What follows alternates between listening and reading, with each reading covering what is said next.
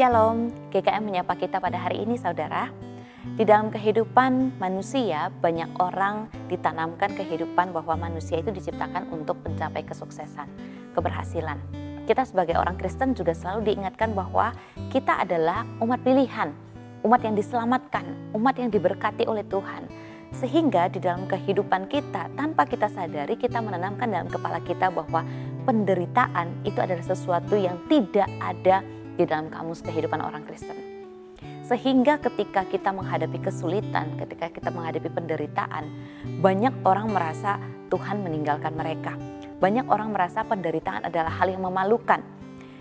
Apa yang diajarkan sering kali lewat media sosial, lewat dunia dengan mengatakan bahwa kalau engkau diberkati Tuhan, engkau hidupnya akan nyaman. Kalau engkau diberkati Tuhan, engkau tidak akan menderita, tidak akan ada air mata.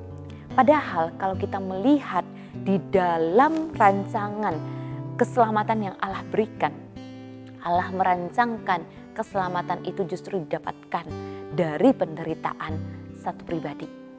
Allah menderita dalam pribadinya sebagai manusia di dalam Yesus Kristus supaya kita beroleh keselamatan, supaya kita beroleh anugerah. Saudara yang dikasih Tuhan, penderitaan itu memang tidak selalu disebabkan oleh dosa. Tapi dosa pasti menimbulkan penderitaan. Nah, karena itu ketika kita memandang penderitaan kita sebagai orang percaya, mari kita mengevaluasi diri kita, apa yang melatar belakangi penderitaan kita. Pada zaman perjanjian lama banyak orang menghubungkan penderitaan dengan aib, dengan kutukan dan dengan dosa. Tetapi Yesus Kristus, manusia sempurna Tuhan, dia Allah yang kudus, dia manusia tidak berdosa tapi menderita. Karena apa? Dia menanggung dosa seluruh umat manusia di dalam penderitaan yang harus dia jalani. Sehingga kita pada hari ini di dalam kehidupan kita mengiring Tuhan, kita ketika menjalani penderitaan kita di dalam Kristus, maka ujung dari penderitaan itu adalah kemuliaan.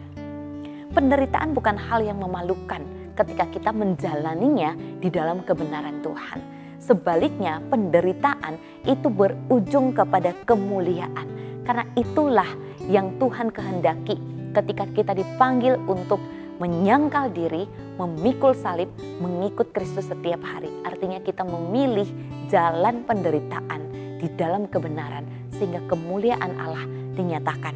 Itulah yang dikatakan Paulus di dalam Roma pasal yang ke uh, 6 uh, pasal yang ke-16 kemudian 2 Korintus pasal yang ke-4. 2 Korintus pasal yang ke-4 saya bacakan bagi setiap kita. Paulus mengatakan sebab itu kami tidak tawar hati. Tetapi meskipun manusia lahiriah kami semakin merosot, namun manusia batinia kami dibaharui dari sehari ke sehari. Ayat yang ke-17 dikatakan sebab penderitaan ringan yang sekarang ini mengerjakan bagi kami kemuliaan kekal yang melebihi segala-galanya, jauh lebih besar daripada penderitaan kami. Saudara yang dikasih Tuhan ketika kita memilih hidup di dalam Kristus, jalan yang kita tempuh di tengah-tengah dunia yang berdosa itu adalah jalan yang sulit ketika kita memilih untuk berkata kebenaran, banyak orang mungkin akan membenci kita. Ketika kita memilih untuk menjadi orang yang jujur dan berintegritas, kita mungkin akan ditekan di dalam pekerjaan kita.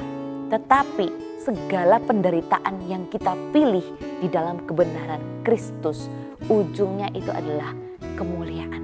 Jauh lebih besar daripada penderitaan. Maka, jika kita menderita di dalam Kristus, Jangan pernah berpikir bahwa Tuhan tidak ada bersama dengan kita.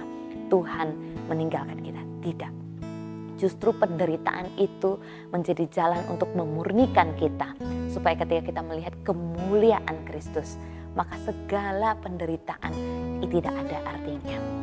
Biarlah Tuhan yang akan terus memampukan kita hidup di dalam kebenaran ini dan tetap setia mengiring Tuhan sekalipun harus menderita di tengah-tengah dunia ini. Tuhan Yesus memberkati setiap kita.